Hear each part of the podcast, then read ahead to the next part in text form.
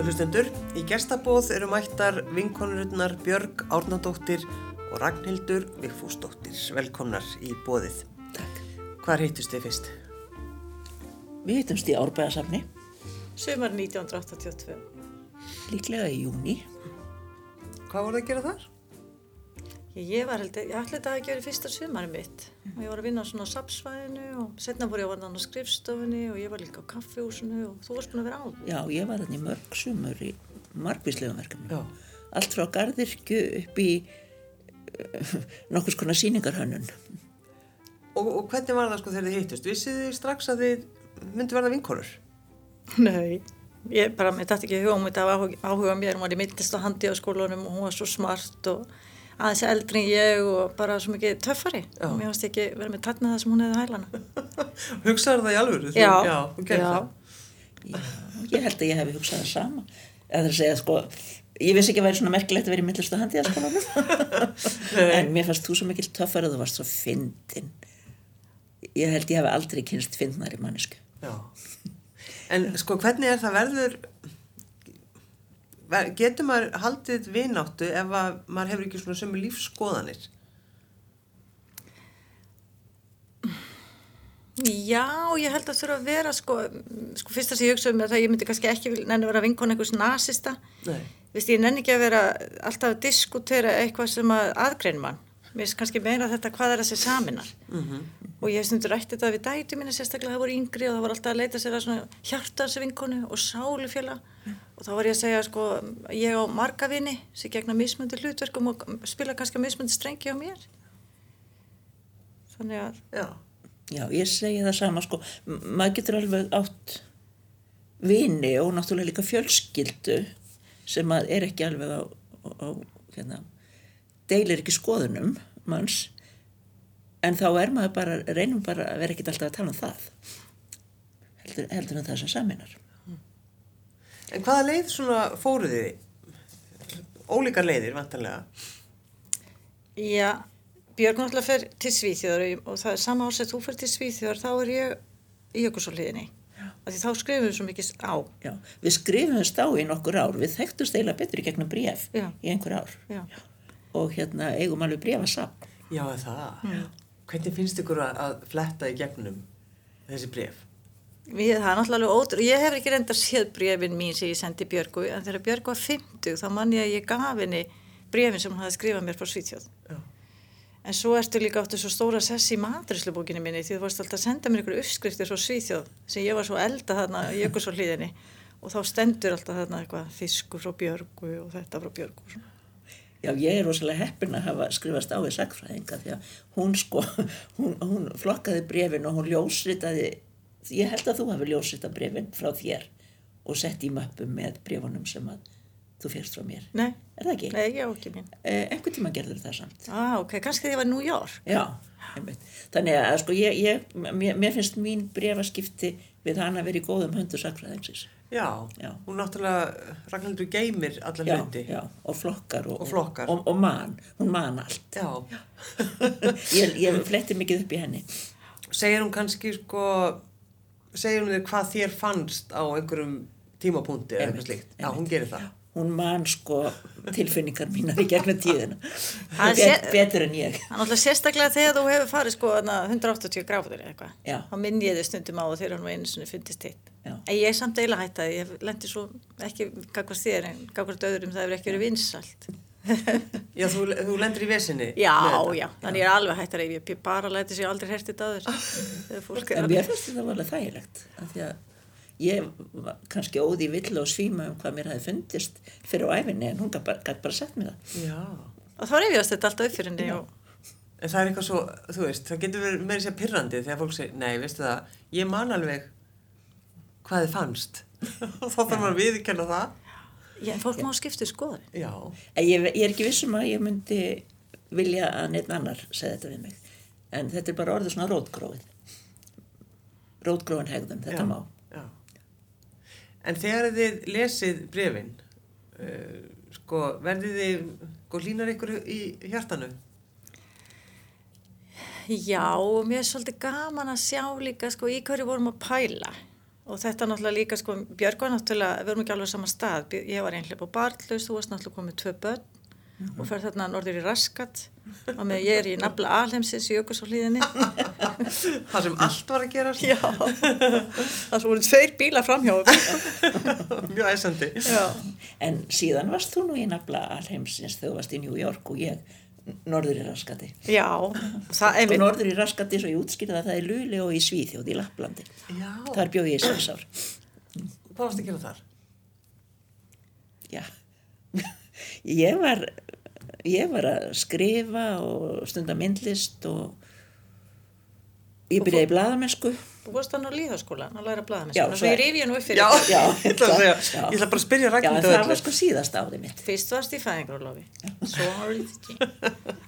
svo var ég kulturpedagóg, menningar uppalandi. Og það var sko í Svíþjóð sem að ég lærði, e, sem ég kynntist ritlistarkenslu, sem að síðan hefur verið mín misjón. Já, það er í rauninni Já. eins og þitt fyrirtæki í dag. Já. Uh, stílvopnið, Já, er það ekki? já. Já. En að því þið talið svona um það sem, það sem tengir ykkur og, og það er uh, til dæmis landsvirkjum, hvernig að því að uh, Ragnhildur, þú varst náttúrulega lengi þar. Að Því nefndu það, hvað, hvað tengist þið þar? Sko, að því ég er nú sagfræðingur, þá ætlum ég að gera þetta réttir við. Já, Sko, fyrst er, er þannig að hún í Svíþjóð og ég í New York og svo þegar við komum heim og þá var ég með smá þarna dítúr sko, í skóa og svo fer ég í veru, fer fyrst í rítnemnd og fer svo að leysa af og svo losnar þarna starf og Björk kemur þá inn líka. Þannig við erum saman í, á veru í nokkur ár. Tveir hálfur ritstjórar. Já, og svo ferð þú norður að því maðurinn tók hann að ykkur í starfi og þá legg ég leikja leið minn og kemur við hjá okkur að leið minn til Reykjavíkur frá hérna skriðuklaustri sem verður til þess að ég sækjum starf og sest að á Akureyri og þá erum við aftur í svo miklu samstarfi. Af því að ég bjó þá hjá Ragnhildi, ég, ég bjó í Mývasveit en vann tvo daga í viku á Akureyri og þá gist ég alltaf frá þeim. Þetta þegar Vítis að spurg hver býr hér þá sá mamma, Vigdís papp- dóttir hennar. mamma, pappi, Vítis og Björg Já. Patni tveggjóra, ég held að Björg byggja með okkur já, Svo þegar við komum aftur til Reykjavíkur, þá er ég byrjað að vinna hjá landsvirkjun og svo kemur maðurinn og fer að vinna með mér hjá landsvirkjun. já. Þannig. Þannig að við tókum svo mikið þátt í sama félagslífinu Mm. Já. þarna í nokkur ár. Liði einhver tíman, einhver tími þar sem þið voru ekkert í sambandi? Nei, við hefum samt aldrei verið í svona, við hefum aldrei verið í saumaklúb en einu svona, Sko, Ragnhildur er rosalega vinamörg. Ég bauði henni svona 60 nánustu vinkonum mínum í Amali en hún þyrfti örgulega að bjóða 300. Svo enginn móðgæðist af því það er örgulega svo margar sem halda hún sé besta vinkonu sín. En bara miskilingur, Já. þið sem er að hlusta. Já. Já, en, en Björg, þú einmitt uh, baðist Ragnhildi að vera veislustjóra þegar hún var, þegar hún varst færtug Já. og sló hún í gegn eða hvað? Hún er að segja mér það núna, ég haf ekki sleiði ekki. Ég, ég sagði mér varð á að segja á þann að það hefði verið við misjafnur undirtektir en, en flestir voru yfir sér hrifnir af því að Ragnhildur er sko uppestandari að Guðs náð og segir allt sem henni dettur í hug en sumum fannst þú fara yfir strikið. Já, veistu eitthvað út hva, hvað það var? Nei, ég held að það hafi nú aðalega verið bara út af svona aðtjóðsendum um mig og mína fjölskyldu. Manst eftir þessu, Ragnhildur? Já, en það er yfirlega líka upp fyrir mig þegar maðurinn að hjálpa á fymtu samanlið sitt, þá held ég ræði amalnans og þá var hann sérst að vinna með mér á landsvirkjun og þá kom eitt vinnufélagi minn á eftir og sagði bara, Jésús minn, þú sagðir allt sem við verið að hugsa. Já, það er einmitt sko, það er lýsing á Ragnhildi. Já. Hún segir það sem aðrir hugsa. Svolítið þannig? Já. En, en manstu eftir þessu þegar, þú- þú varst að, að svona stjórna amalinu hennar, færtisamalinu, svona, manstu eftir stemningunni? Þetta var náttúrulega félagsheimili mér var sveitinni og það búið að vera hana, við fórum kvalaskoðun að fara fyrir um daginn og glýmdi þar við sjóveiki. Þið leið ekkit vel. Nei, svo bara, eina sem ég man sko ég uppgötta það þegar ég var að fara þarna á sviðin að ég var í ærmalösum kjóla því ég var þá með afskaplega falli upphandleggi nema ég hefði glemt að raka með til höndunum og það var úr seg svo ég bara byrjaði veislustjórna held ég á því að sína undir handakrikana að bara til þess að væri ekkert verið að ræðum það neitt meir og ekkert verið að fólk var ekkert að velta sér upp úr því. Nei.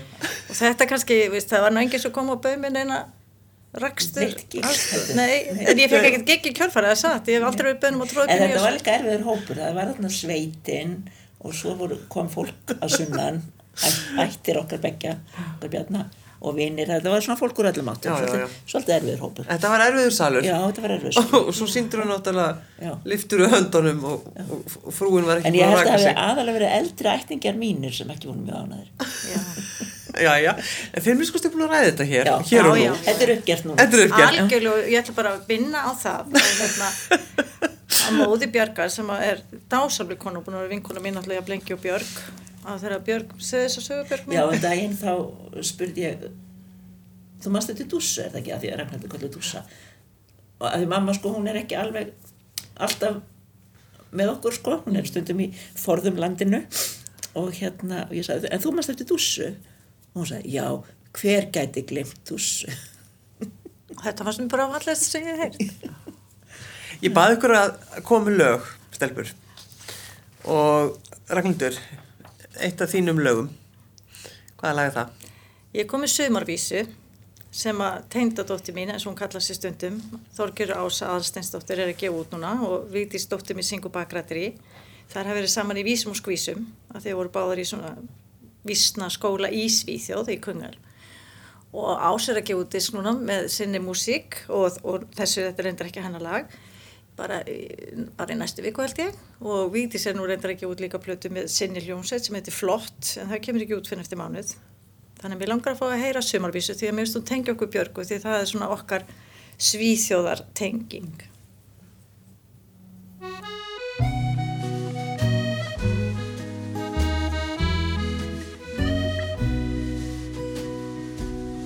Það flögrar vindkviða yfir engið með andblæ léttan á glugg og þig og ég vil yrkja um æsku sporin við ángan blóma og sólarinn. Ég vildi kveða um Katarínu við kistli laufi og fuggla hjal en gólan sumrinu syngur lofgjör ég sit og hlusta í bjarkasal.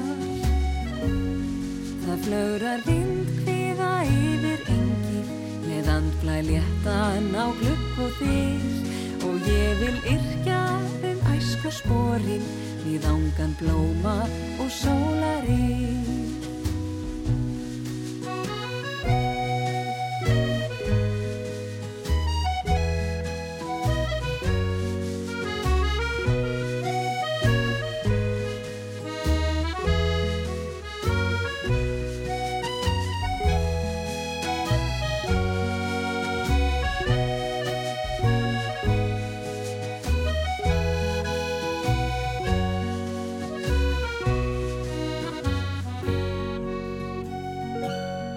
Þá ungu stúlku í asparlundi ég ennþá geimi í huga mér.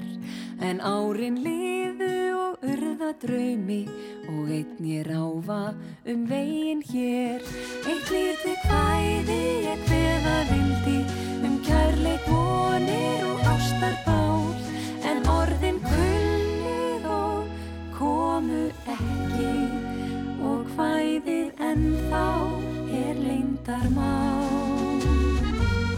Þá ungu stúlku í asparlundi ég ennþá geimi í huga mér en árin liðu og urða draumi og einn ég ráfa um veginn hér.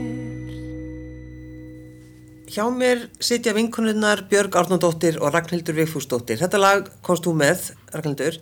Það er eitthvað, er einhver tótt þarna sem að kannast við. Já, kannski að því að Ása er dóttir Önni Pálnu sem var líka mikil uppáhaldsönguna mín. Já. Það, eitthvað, það var eitthvað. Já, Já. Indislegt. Takk fyrir að koma með þetta lag. Um, að því við erum svona hugrekki. Ef við ekki svolítið tala um hugrekki. jú, eða þú vilt sér. Ég, vil, ég verð að fá að tala um hugrekki. er það eitthvað sem þið pælið í? Já, ég meina, Hún er nú sérfræðingurinn í, hugrekki. algjörlega. Já, hún er sérfræðingur. Ég, ég pæli í hugrekki. Já. En þú ert náttúrulega með hérna hetjuna þannig.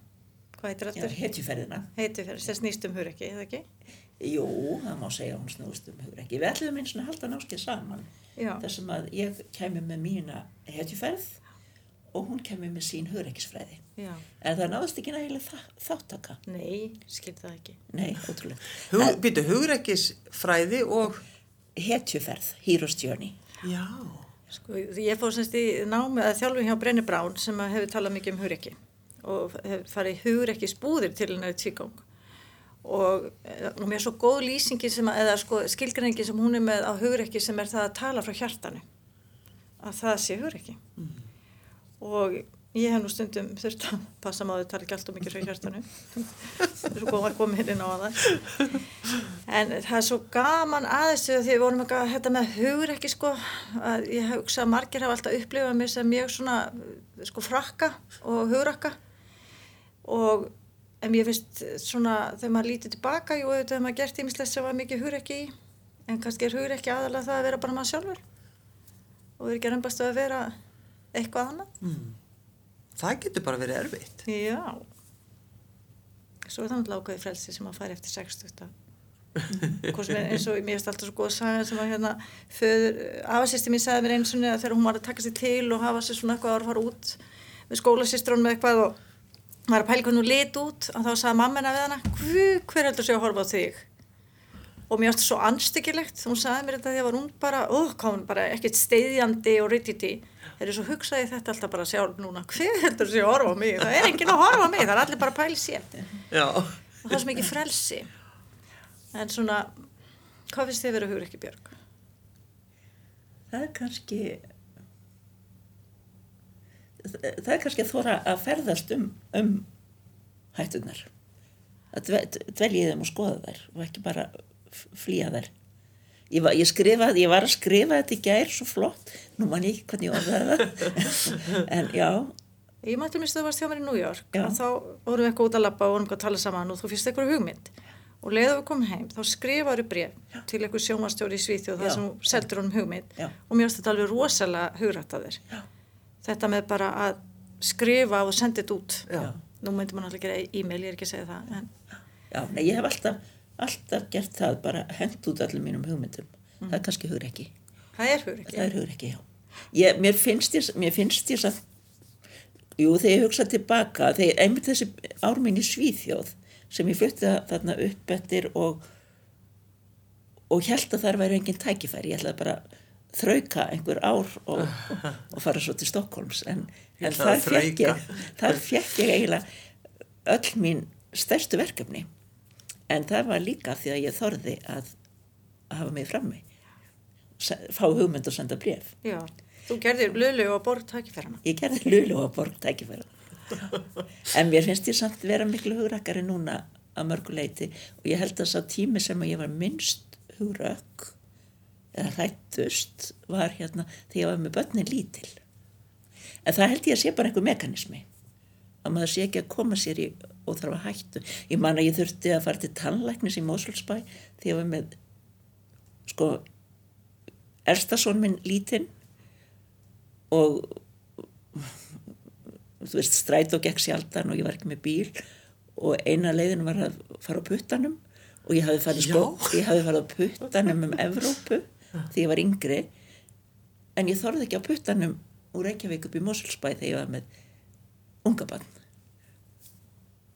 og ég held að það sé einhver, hérna, einhver mekanismi þegar maður er með börnina Já, já. ég var líka svo ofbóðslega hrætt ef að þau fór í einhver, einhver tæki í tífóli ég gæti ekki eins og hort á þau En Björg, nú ætla ég að stoppa það já, já, það- svona er alltaf Ég sko. fer að fara með kaffa með. Því þú varst með börnin lítil í Lulu já, þá voru strákanir pínu litlir og þá síndur allt þetta hugur ekki já, en það er öðruvísi En þú ert að tala um fýrdisk og að fara á er- puttan og það er eitthvað já. geta drepið þér náttúrulega leiðin til mosa um hárið.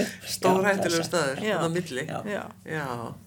Þannig að, þú veist, þetta er hugur ekki getur verið alls konar í rauninni. Það er ekki bara eitthvað að, að þú eru að gera eitthvað heldur einmitt þetta eins og þú talar um bara að hlusta hjarta sitt. en við tengjum þetta svo oft við einhverja svona fýrdisku og eins og þegar við fórum hana þegar ég var að fara í hugriksbúðinar og þá komum við við í Kosta Ríka við Björg svona í afslöppin í byggu og, og við ákvæmum að gera eitthvað annað og meira heldur bara að líka á ströndinni og drekka og að fenga koktila þegar við vorum búin með það algjörlega. Og þá gáttu við valið um það að fara í fyririldagardin eða á svona sipplínu og ég bað Björg að koma með mér á sipplínuna því ég er svo loftrætt Sipplína heitir aparóla á íslensku. okay, Já, aparóla, ok. og þetta var þessi til regnskóginum og við fyrir manna í einhverjum bíl og svo komum við þarna og fáum einhverjum miða og ríkalan búnað og allt þetta og leggjum að stað og nema hvað ég held þetta var eitthvað svona einferð með einni línu svona eitthvað eins og það er að gera núna í Viki Myrdal en það voru þetta sko 13 13 ferðir og ég man þegar við stóðum þannig og bara regnskóðarnir bara í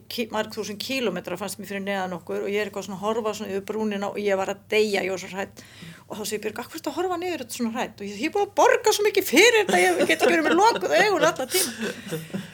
Og, og, ég, ég fór hana æpandi að hræslu á sipplínunni og svo fór ég í hugreiksbúðunar og þá kom þetta, ég hefði ekki að þetta var ekki æfingi hugreiki það er miklu meira æfingi hugreiki að vera bara maður sjálfur. Já, en Mér fannst þetta samt rosalega æfingi hugur ekki af því að ég hef alltaf verið loftrætt reyndar mingaði það mikið eftir ég fór, í, fór að fara í hálendsköngur þannig að ég gat gert þetta.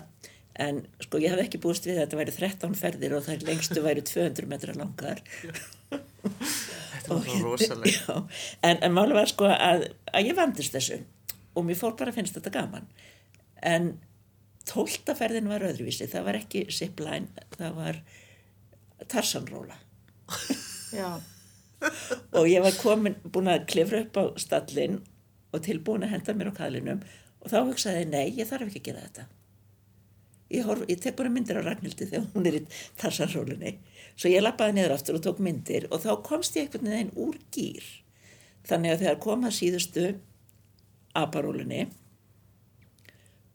og þá áttu við sko ekki að fara með rassin og undan eins og í hinuferðunum heldur sko eins og Superman með hausinn fyrst. Og þá bara fann ég að þetta gæti ég ekki. Og ég settist í tröppuna og hérna þetta voru einhver strákar sko með okkur í þessu sem voru, voru í rauninu alltaf bara að reyna að hlæða okkur en þeir komu og voru voða almennilega við mig og sögust, sögust alltaf að fara með mér og, og, og reynda að gera allt til að fá mig að fara fá mig til að fara.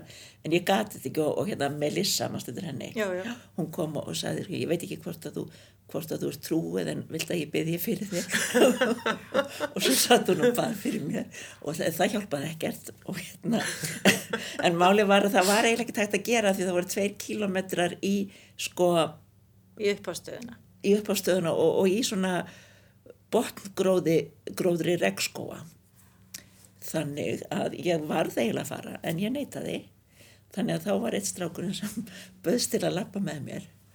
Og hérna og þegar hann fatt að ég, ég geti verið ammans þá, þá vildi hann leiða mig. Svo við leitumst þarna í gegnum botgróðurinn og töluðum einhvers konar spænsku. En þetta er nefnilega hugreiki já og þá, svo eftir Já. að higgja sko þá fannst mér þetta vera mesta hugreik Já.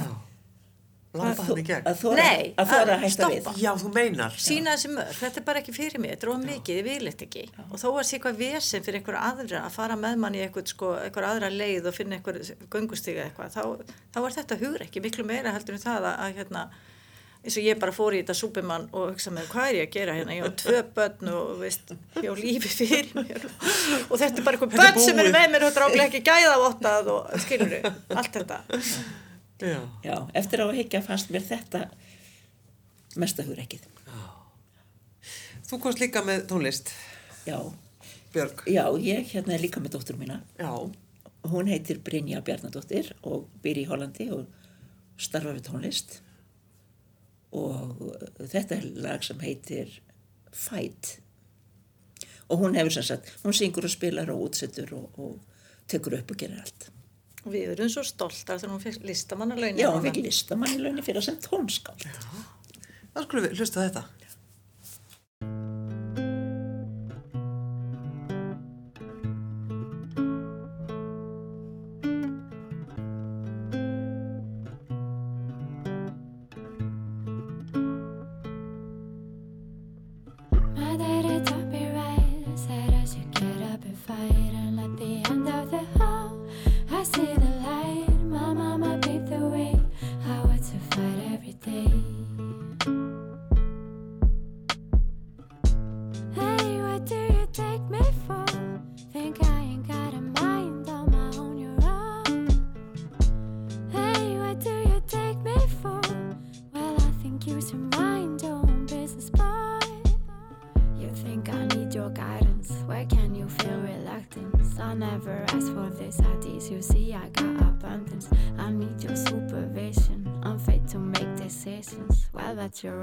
times you never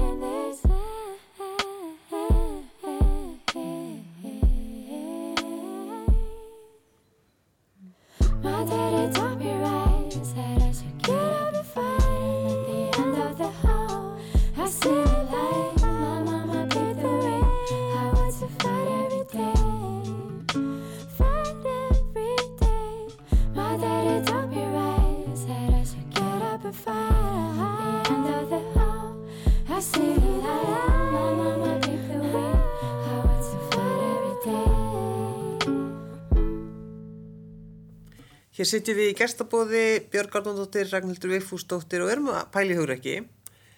Uh, hetjuferðir, hvað er það? Hetjuferðin er uh, fyrirbæri sem heitir á ennsku The Hero's Journey og ef við værim í bandaríkjónum þá myndu allir þekkja hugmyndafræði hetjuferðarinnar en hér á landi er þetta ótrúlega lítið þekkt. Þetta er sem sagt frásagnarfræðilegt mótel, góðsagnarfræðilegt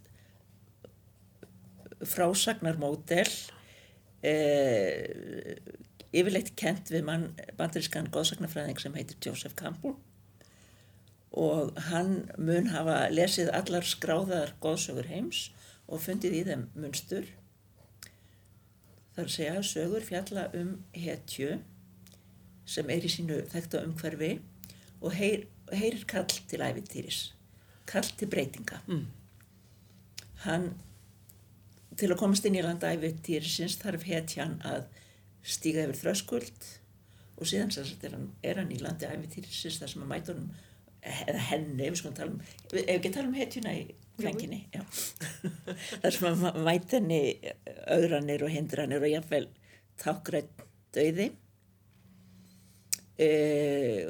e, hetjan tekst á við þetta allt saman og e, fer í gegnum ferli friðþægingar og sátta öðlast við það gjöf sem hún stígur með tilbaka aftur hinn sinn þekta heim og er umbreytt manneskja og gjöfin sem að hún kemur með gagnast samfélagi hennar öllu. Þetta er hetjuferðin og ef við skoðum góðsögur og æfintýri heimsins þá fjalla þær um þetta sem og líf okkar. Og kvikmyndir og bókmyndir samtímas, ég meina, fantasíu bókmyndirnar eru byggðar á þessu konsepti. Og ég lærði þetta, ég, ég tók þátt í Evrópaverkefni, stóru Evrópaverkefni þar sem við vorum að, voru sex þjóðir og við vorum að aðlaga hetjuferðina að, að því sem að hvert og eitt okkar var að fást við.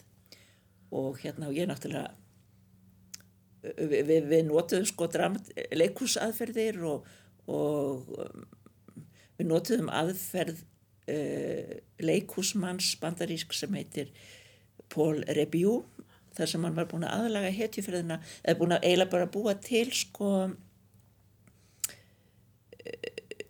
sjálfsvinnuprógram út frá hetjuferðinni sem við fórum í gegnum í, í þessu verkefni. Þannig ég fór tvísvar í gegnum hetjuferðina í svona sjálfsvinnu. Og við vorum líka að, að hérna máta hetjuferðina við svona kerfi grundvallar tilfinninga og þetta var mjög, þetta var mjög áhugavert og lært og sríkt og ég lærði mikið um sjálfa mig en þetta varð líka næstum því að heimstyrjöld þetta endaði næstum því heimstyrjöld á milli okkar þessara sex þjóða en það var líka já, en það var líka en Af því að þið voruð ekki sammála eða? nei, við já, við vorum bara alveg ótrúlega ósamála um margt En hvað, ert að gera eitthvað með Já, þetta og svo hérna er ég heima? núna farin að halda námskeið um hetjuferðina. Ég er bæði að halda rítlista-námskeið þar sem að sagt, ég fer bara, fólk skrifar bara hetjuferðarring og það, það, það er til dæmis fólk sem er að skrifa, kannski ungt fólk sem er að skrifa fantasíubókmyndir en það er líka fólk sem er að skrifa allt mögulegt annað og, og sumir eru líka bara að koma til að máta hetjuferðina á sitt eigið líf. Já, en, en þetta er svolítið þannig að Já, er svona en svo er líka sjálfskoðun með önnur sko námskeið sem eru ekki reillistanámskeið heldur bara þroskarhingur. Þroskar og við ætluðum að gera eitthvað saman með hetjuferðina svona að vinna með þennan þroskarhing og skoða hurreksfræði Brenni Brán í leiðinni sem var náttúrulega algjörlega eitthvað sem ekki hefur gert í heiminum áður. Nei, hún notar líka svo mikið einmitt Jósef Campbell og, og segir sko þessi hellirinn sem að þú eru í ginni, þar er gullið. það er gullið, það er, er fjársjóðurinn. Já, En hvenær fóruð þið, já bara báðar að einmitt að svona kafa einhvern veginn svona inn á við og, og svona, já, ég hef í aldrei, þessari sjálfskoðun einhvern veginn. Ég hef aldrei jafnað með að hafa lært að lesa. Nei, þetta er alveg hrikalegt. og þegar við vorum að vinna náttúrulega veru, þá tókum við viðtöl við svo marga. Já. og þá tók maður einmitt viðtöl við fólk sem var endur sko eða konur sem var endur meta lífsitt þú veist og það er náttúrulega voðalega skrítið að maður alltaf að tala við svolítið fólk en maður kíkir aldrei inn á við sjálfur. Þannig að hérna já, mér finnst ég bara alltaf hafa verið að skoða líf og finnst það mér svo gaman, ég var að lista núna nýju bókina Glennon Doyle, hérna Untamed og, hún, og þá sá hún það að hún áskildi sér rétt til þess að skrifa aftur og aftur um sömu viðbyrði í lífi sínu þegar hún ný, fengi nýja sín á það. Já, í hvern skipti? Ég meina þú kannski upplifir eitthvað já, og já, þú já. segir frá einhverju, svo gerist eitthvað, þú eldist og þroskast og kynnist einhverju öðru og þá sér það í öðru ljósi og mér finnst þetta svo aðtiklisvert hjá henni. Þetta, hérna, það er allt og algengt að fólk bara, að þú kannski heldur þegar þú segir einhverju sögu, þá ertu kannski ekki búin að rýna hana og þú ert ekki búin að sættast við hvað var sem gerist í þessari sögu. Og við erum svo oft með svona, hvernig að ég segja, var ekki Einamál Guðmundsson sem sagði við erum búin að týna ormana og sögu okkar, árum við segðum hana. Þú veist, við erum bara að hreinsa svo mikið úr henni. En þetta með breytilegu söguna er svo ábyrjandi þegar maður er í tólspornsamtökum að þá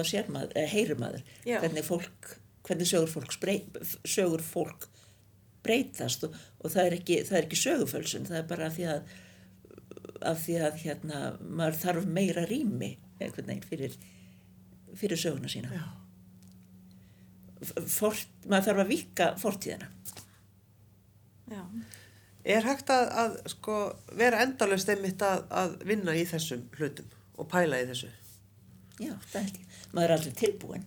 Jú, Er það? sko maður er náttúrulega aldrei tilbúin og þess vegna fer maður bara að staða því maður verður aldrei tilbúin skilja, maður er alltaf að býða til því það gerist náttúrulega ekki neitt. En, en ég veit það ekki, það var ekkert um einhver sem sagði, þú ert alltaf bara að leita sjálfur þér, hvað finnur á lokum, bara einhverja konu sem er alltaf að leita sjálfur sér.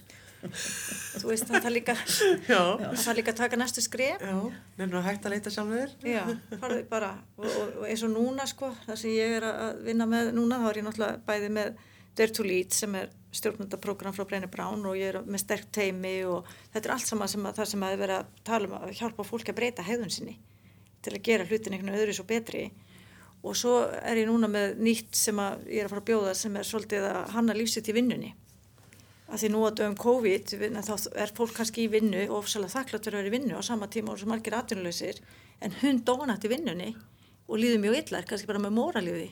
Hér ég er með vinnu og ég er bara óanægð og einhver annar atvinnuleys og þá er það þetta hvernig getur maður reynd að gera vinnuna sín aftur að drauma starfinu sem að réð sig í uppalega. En, en hvernig getur maður það ef maður er bara óanæður? Það Er þetta hægt að bara við það, að vera óanæður? Það er þetta vinnan að blí því. Oh, það er náttúrulega, Endur hann að svolítið lífið sitt í vinnunni. Einmitt vinna svolítið í þessum viðhorfum sínum og hvernig maður horfir á þetta og, og verða ekki fórnalamb. Það er bara eitt hættulegsta dýrið. já, fórnalampið. Já. Það er skrínalend í því. Nei. en til þess verður fólk líka að vera tilbúið til að líta svolítið eigin barm og vinna svolítið með, með sig. Mm. sem getur náttúrulega verið fjandi erfitt. Já, já. Og ertu, ertu að fara að halda, ertu að halda námskeið þá í þessu eða eitthvað sluðis? Ég er með að vera með erindi hjá dokkunni núna í óttúber og ætla að bjóða upp á, á svona. Og svo er ég alltaf með vinnustofunar hann á námskeiðina hannaði líf þitt. Það sem er meira svona kannski fókusin svolítið búin að vera á að fyrir fólk sem er ekki akkurat í vinnu og þarf að fara að gera eitthvað annað.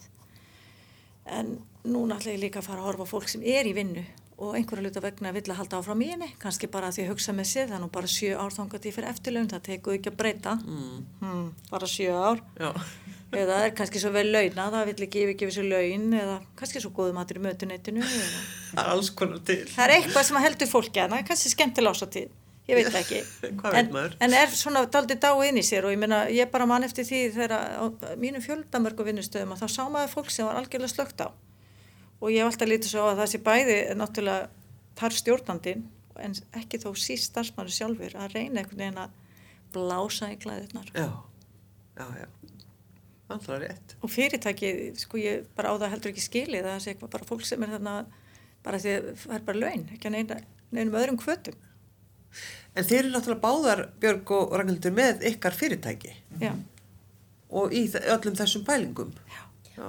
og það er ekki það sigurlegu mín að við sem svona óhörlandi og ferjandi að við getum ekki unni hjá öðrum Alls ekki. nei nei, við vorum bara báða mjög hugrakar ákvaðum að fylgja drömmunum og gera það sem okkur er skemmtilegt Voru þið á sama tíma með að, að stopna ykkar fyrirtæki eða hvernig er það? Ég stopnaði mitt 2015. já, það á undan mér Kom Og ég- til þín og spurði þið hvort að þetta væri eitthvað, eitthvað sem hún, hún ætti að pæli að stopna fyrirtæki? Nei, ég kunni ekki þá að hanna líf mitt. Ef ég hefði kunnað það, þá hefði ég mitt komið til hennar og kynnt með meira hvað maður ætti að gera. Já, þú gerir það ekki? Nei, það er bara frekar fyrir maður svona að reyna að lesa þetta og googla og bara græja og gera og gera öll mistökin. Já, Snæð fyrir að læra mistök mannara. já. En sjáuð ykkur bara saminast kannski í eitt fyrirtæki? Nei. Nei. Nei, við erum í rauninni að gera mjög ólíka hluti. Já, akkurat. Ég er að kenna rítlist að mestu og, og hérna, veita ráðgjöf og, og, og hjálpa fólki að skrifa. Og núna þegar eru fá gig, ég er svona eins og tónlistamennir, þá er eins og að að opnast nýrgluggi eða vil dýr af því að ég er að sífælt að fá fleiri verkefni sko við riðstjórn eða að hjálpa fólki að skrifa á einhvern nátt Já. sem er mjög skemmtilegt líka. En var það ekki þannig, stelpu, þegar þið fóruð inn í, í veru, að þið kölluðu ykkur rítstýrur, Jú. rítstýra og ég man bara eftir þegar þetta kom, það var alveg, fólk var alveg, hvaða bull er þetta? Nei, fyrst verðum að leiðrita þetta. Þegar við byrjum þá vorum við starfskonu veru. Og svo er Björg svo metnagjörna því að þá ætla hún sér að vera hérna rýðstjóri morgublaðsins. Þannig Já. að hún vildi vera rýðstýra veru til að, veist, hún getur sett á CV sitt, hún getur ekki verið starfskona. Nei, nei, já. samsagt ekki. Og svo frétti ég það setna sko að við höfum gert, verið með valdarán á veru þegar við erum rítstýrur og hættum að vera Af starfskonar. því að allar áttu að vera jafnar. Já, Já, alveg rétt. Það var þannig. já. Var það töff? Í, það gæti alveg reynd á. Að því stundu þarf bara að taka ykkur ákvörðun og, og það er svona, já, það gæti verið daldið. Og hvað urðu Var ekki, ósætti Ingi- var ekki Ingibjörg Sólrún á undan okkur bara ein af starfskonunum. Jú, við vorum fyrstu Við vorum fyrstu rítstýruna. rittstýrnar. Já. Já, bara þannig. Og þið notuðu þetta einmitt og, þó- og það þótti eitthvað svona, Já, það var því. hallarslegt, flugstýra, bílstýra, já, en það var nota hótelstýra. já, Já, já. Það var reynda kvenkenna sem flest starfsheiti til að sína að, og það væri hægt. já, að, að konur væri í þessum störfum. Já, Já. Til að við út á ósýnileika kvenna. Já. En þetta fannst mér að þetta var eitt af svona þessum störfum þegar maður lítið tilbaka, það það mjög hugrægt, bæði af þeim að ráða okkur og af okkur að taka þetta að okkur. Við vorum að taka við af frumkvölunum, þannig var Ingibjörg Solun og Magdalena Skram og Kikki búin að vera og gera alveg rosalega góða hluti og svo kom, kem ég bara alveg græna bak við eirun og, og, hugsa, og ég gekk aldrei í blaðamanna hérna félagið því mér fannst ekki að gera blaðamannu. Nei, nei, nei, nei. Ég var sem sagt frá Svíþjóð og þannig að ég hafði svona sjálfsmynd mín var í blaðamennskunni að mér fannst sjálfsmynd þín vera í feminismanum. Já, En er það ekki góðu kóktel? Jú, það var að skott. blaði? Ég sá um feminisman. Já, Ég sá um blaðamennskunni. Ég tók til í kjallaranum já, akkurat. og meðan Björg sá um blaðmennskuna. Og hugsiði svona með kærleika til þessa tíma þegar þið voruð í veru. Já, þetta var mjög lærdomsríkt. Já. Já. Það var mjög skemmtilegu tími, við munum að yðað alltaf lífi og það var svo brjálæðislega flotta konu sem voru þarna og maður lærði svo mikið. Já. Já, afskaplega lærdomsríkt. Það var einhvern veginn þannig að það var alltaf eh, gaman þegar blaði kom út og sjá svona forsíðuna og það var svona, það var spennandi. Og svo hefur náttúrulega allir skoðun, ég er sko nýbúin að fara í gegnum mörg eintöku þannig að við vorum að skrifa minningagreinum, hann að Guðrún Ólafsdóttur sem var hjá okkur í rittnefndinni og, og þá fletti ég gegnum, ég veist alveg ótrúlega hvað sumt hafi staðist tímans tönn. Og svo hugsaði ég stundum, hvað er ég að skrifa um þetta?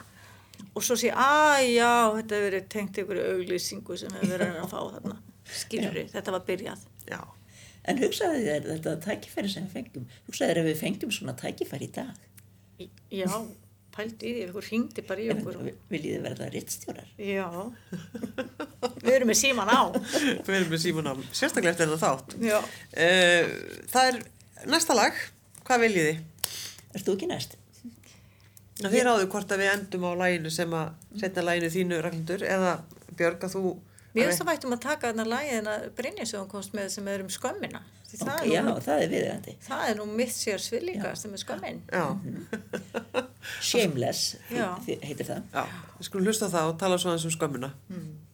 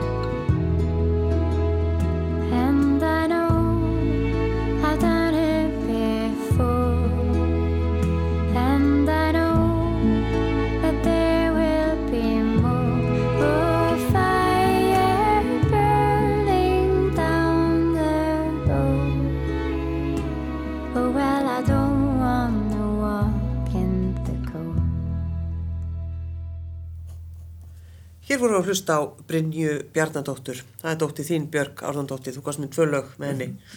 Hvernig finnst þér að hlusta á lögin hennar? Mér finnst þetta ásamlegt. Já. Stolt. En þegar áðurinn ef við settum þetta laga þá sagðið þú Ragnhildur, já, skulum tölum um skömmina.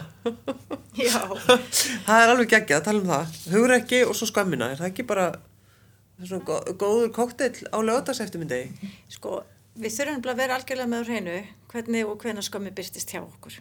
Því það er skömmin sem stoppa okkur í að gera svo margt. Já. Og maður er kannski þarna algjörlega að hugsa sem nú ætlum ég að standa upp, nú ætlum ég að segja eitthvað, nú ætlum ég að gera eitthvað, svo hætti maður við. Og oftar en ekki er það út af eitthvað skona skömm. Þetta með ég er bara ekki nógu góð, eða hver held ég ég sé. Já. Hvað er ég að vilja bá dekkina? Og þegar við lítum tilbaka því nú erum við hérna gamlar konur, veist bara líflega 60 að Björg, að ég manniblefti því þegar ég færði þið brefið þín og las þau aftur þannig að þú varst 50 og þá kom svo skýrt fram í brefunum að þú gegst með bók í maganum. og nú ert að skrifa bók, þó að sé ekki sama bók. Og ég ætla nú ekki að spyrja það því þetta er ekki minn út á státtur. Já, þakka kærlega fyrir Ragnhildur. En svona ég stundu velt, mér- velti fyrir mig, hvað hafi stoppað að því að skrifa þessa bók fyrr? Hvaða bók er þetta? Ok.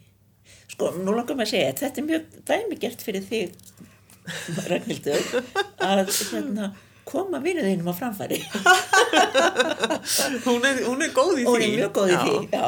Þannig á ég þá bara að hoppa þetta nú. Já, já, a- algjörlega. Leifir þú það? Ég leifir já. það algjörlega. Takk fyrir samt að spyrja. Eh, ég held þetta sé sama bókin. Hérna, ég hef búin að vera að skrifa hann í 40 ár. ég gerði með þess að ég held síningu, ég held enga síningu, myndlistasíningu eh, á Norrbottens museum í Svíþjóð. Ég held að það verið 87 sem hétt Skiss til en Rúmán, skissaða skáldsögu. Þannig að ég er búin að vera skissa síðan þá og svo er ég búin að skrifa í þrjú ár og ég held ég sé sko búinn eða þannig. Já. Ég hef búin að koma, koma bókinu saman og hérna er að fara að senda hana til útgefenda sem mun taka við henni sko. Ég veit ekki hvort hún verður gefin út en hún verður allavega lesin, ég veit það, sem sagt í forlæginu. Og og þá er örgulega talsverð vinna eftir en mér mér finnst ég vera búin að skrifa skáldsögu og mér finnst það, það mér hefur alltaf fundist að það sé eitthvað sem að ég eigi að gera eitthvað sem ég komist ekki tjá að gera þó ég hefði beðið í 40 ár Varst ekki eitthvað tíma að vinnu heiti lífi tuskunum? Jú, einhvern tíma var það líf í tuskunum já. Líf í tuskunum. Það var, ég, ég held að mamma en hafa eitthvað spurt þau um hvað ætlar eiginlega að skrifa. Ég Já, um hvað þá- hefur þú eiginlega að skrifa um? Já, þá sagði ég líf í talandi svoleiðis. tuskunum já, í bortuskunum svona. en hérna, en sko mér finnst að hafa mér finnst ég hafa umbreyst í þessu ferli, þetta hefur verið umbreytingarferli Þá ertu að tala um bara, það að skrifa, Já. að skrifa skáldsögu að búa til nýjan veruleika. Að mega ráða öllu. Þú veist, ég bara, já, ég ræð hvað gerist. Já, ég ræð hvernig fólk bregst við, ég ræð hvað það segir.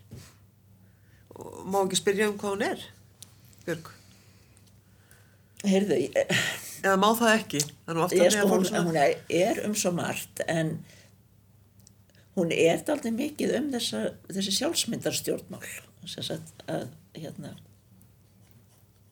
sagt ekki bara hvernig við erum að leita að okkur sjálfum heldur hvernig pólitíkin er orðin mikið um sjálfsmyndina. Já, Í, þe- þetta er gáfulega útgáfan en svo eru náttúrulega bara um konu. Á mínum aldri. Já, ertu búin að lesa hana, Ragnhildur? Ég las hérna drög þann einhvern tíma. já, það er svo langt síðan. Já, já það hef ég ekki verið beðnum að lesa aftur. Þannig ég verð bara að kaupa mér eintak Já. þegar það er að kemur.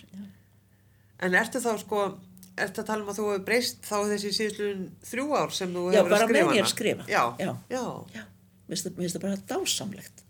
Ég fer að fæta sex á mótnana og flýtir mér fram að skrifa, skrifa til tvö, þá fyrir ég sund. Í sömar átti ég, sko, sömar frí á milli tvö og fjögur alla daga. Þá, þá var ég í sundi. En svo fyrir maður í sund og þá fær maður hugmyndir að, að, að því sem að maður gerir daginn eftir. Vákort skipulögð. Já. Já. Aldurinn, Er það? já. Ert þú svona skipulög líka? Ég veit að þú geymir alls alla hluti einhvern veginn svona sagfræðingurinn. Ég get verið mjög skipileg og ég get líka verið mjög löt og ég get verið ímislegt. Já, En það er nefnilega eitt sem ég langar svo til að gera og ég verða að koma hérna framfæri og ég alltaf því hitt eitthvað sem er á forlegið þá kem ég svo framfæri að mér langar svo til að vera draugarskrifari. Já. Svona ghostwriter. Þú veist að ég nenni ekki að búa til alveg heilar veruleika og eitthvað svona en ef eitthvað kæmi til mig með hugmynd þá gæti ég sko skrifað og ég er það algjörlega bara bak við tjöldin og nafnum mitt kemur hverki fram og ég myndi ekkert minnast á það. Ég hef nú reynd að koma þér á framfæri. Sem slíkri? Já, Já, af því mér, ég naut þess svo mikið á veru að skrifa viðtöl þar sem ég var ekki og hérna heldur bara sagt, var viðmælandin. En ástæða þess að ég fann að ég varð að fara að skrifa skáldsögu var svo að þegar ég tók viðtöl þá langaði mér svo að breyta veruleika. já, ég vil að hún lendi einhverju öðru. Já, og ertu sko, hvernig þér núna því að þú ert í rauninni búinn með hana? Sko það, það er bara svo mikil óvisa framöndan. Já. Ég veit, ekki, ég veit sko ekki eins og hvort hún verður gefin út og þá, svo veit ég ekki hvort hún, hvort eitthvað lesa hana, þú veist. En þú hefur En ég er ekki bara, til ég þess er að senda bara hana? glöð í sjálfur mér Já, með hana. akkurat. Er þetta ekki alveg hefur fullkomna hugur ekki, Ragnhildur? Jú, það myndi kannski ekkur segja að þetta var fíldiskar á Íslandi að vera með bók. Já, það var náttúrulega enginn að skrifa bók, sko. En, maður skrifar ekki bók til að græða á henni en ég held einmitt sko að því þú er búin að ganga með hana svo lengi í maganum. Og ég held kannski að þessi þú sér dæmið, þú byrjar þarna í myndlistinu, þú varst líka í tónlistinu og þú spálar rosalega skapandi manneskja og þetta er bara eftir kannski að finna svolítið þinn farfi. Og mér finnst að tengjast hann að læginu sem ég kom með og, og við fórum að hlusta hérna á eftir, þú veist hana, það sem út Jannis Ían syngur fyrir okkur, hana, I learned the truth at 17. Þú veist, maður fær, maður er 17 ára og maður fær einhverja mynd af sér og svo getur það heft mann algjörlega vegna þess að maður kannski fær ekki stuðningi minni ég ólst ekki fyrir það að vera alltaf að vera að segja mér í hverju ég var í góð og hvað ég ætti að gera og þá frekar alltaf að vera að berja maður niður. Já. þú veist, hvað heldur þú að þú sért og þú ert alltaf rögginn og eitthvað? Þú veist, þannig Það að þáttu náttúrulega hræðilegt þegar stelpur voru þannig. já, alltaf beinar í baki sko. þú veist, þannig að þú veist, maður þorði kannski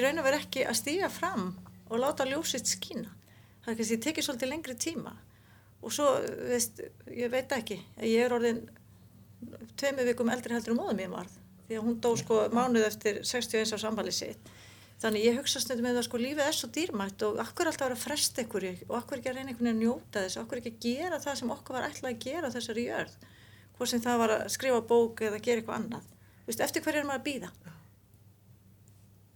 En ég held enginn geti svarað því þegar um einmitt, þegar maður er einhvern veginn að fresta hlutum eða, það skortur á hugur ekki, maður bara þórir ekki að því maður svo hrættum þetta mistakist að kannski finnst ekki öllum þetta gott að skrifa kannski eitthvað, eitthvað neik- neikvætt um bókina eða þú veist, það er hræðilegt. já, algjörlega, veist.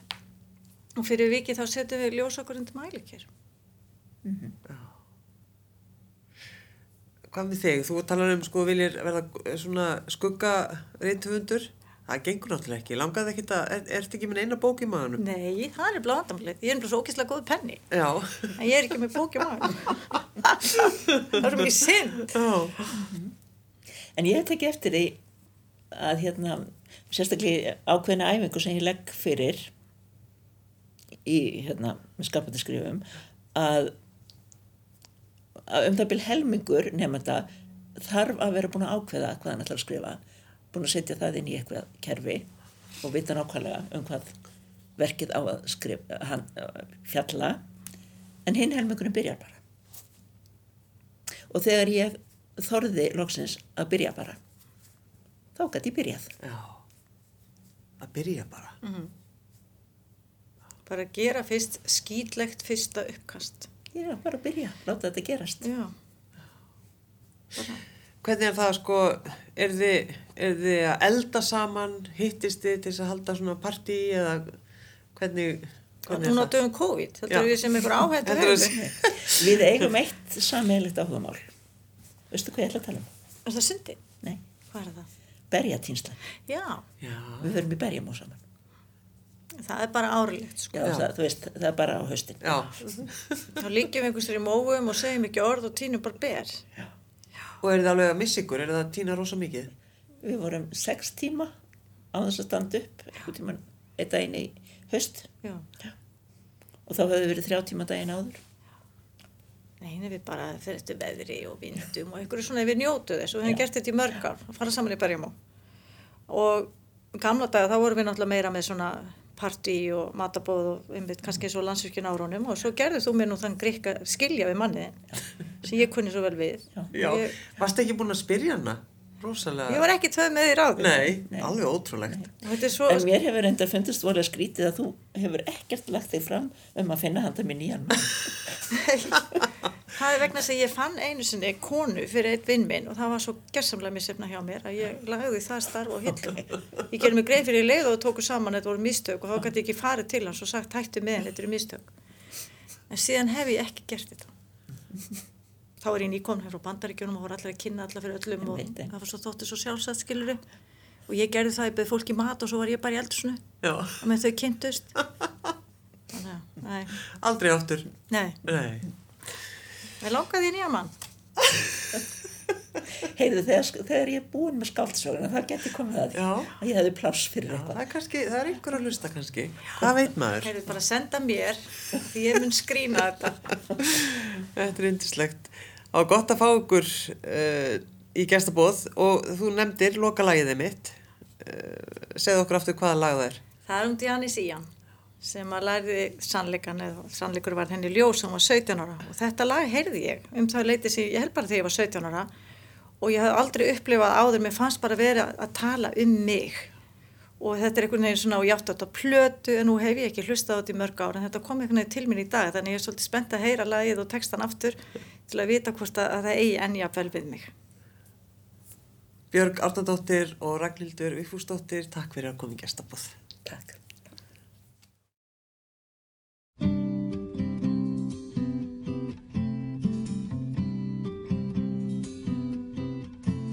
I learned the truth at seventeen that love was meant for beauty queens and high school girls with clear skin smiles who married young and then retired. The Valentines I never knew, the Friday night charades of youth were spent on one more beautiful. At 17, I learned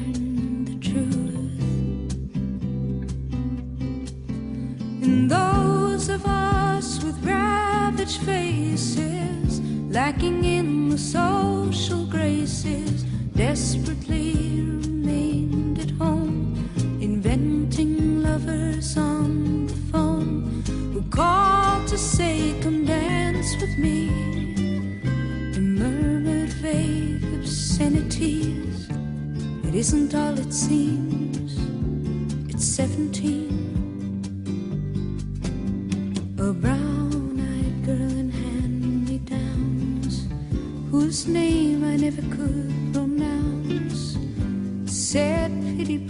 The ones who serve. They only get what they deserve.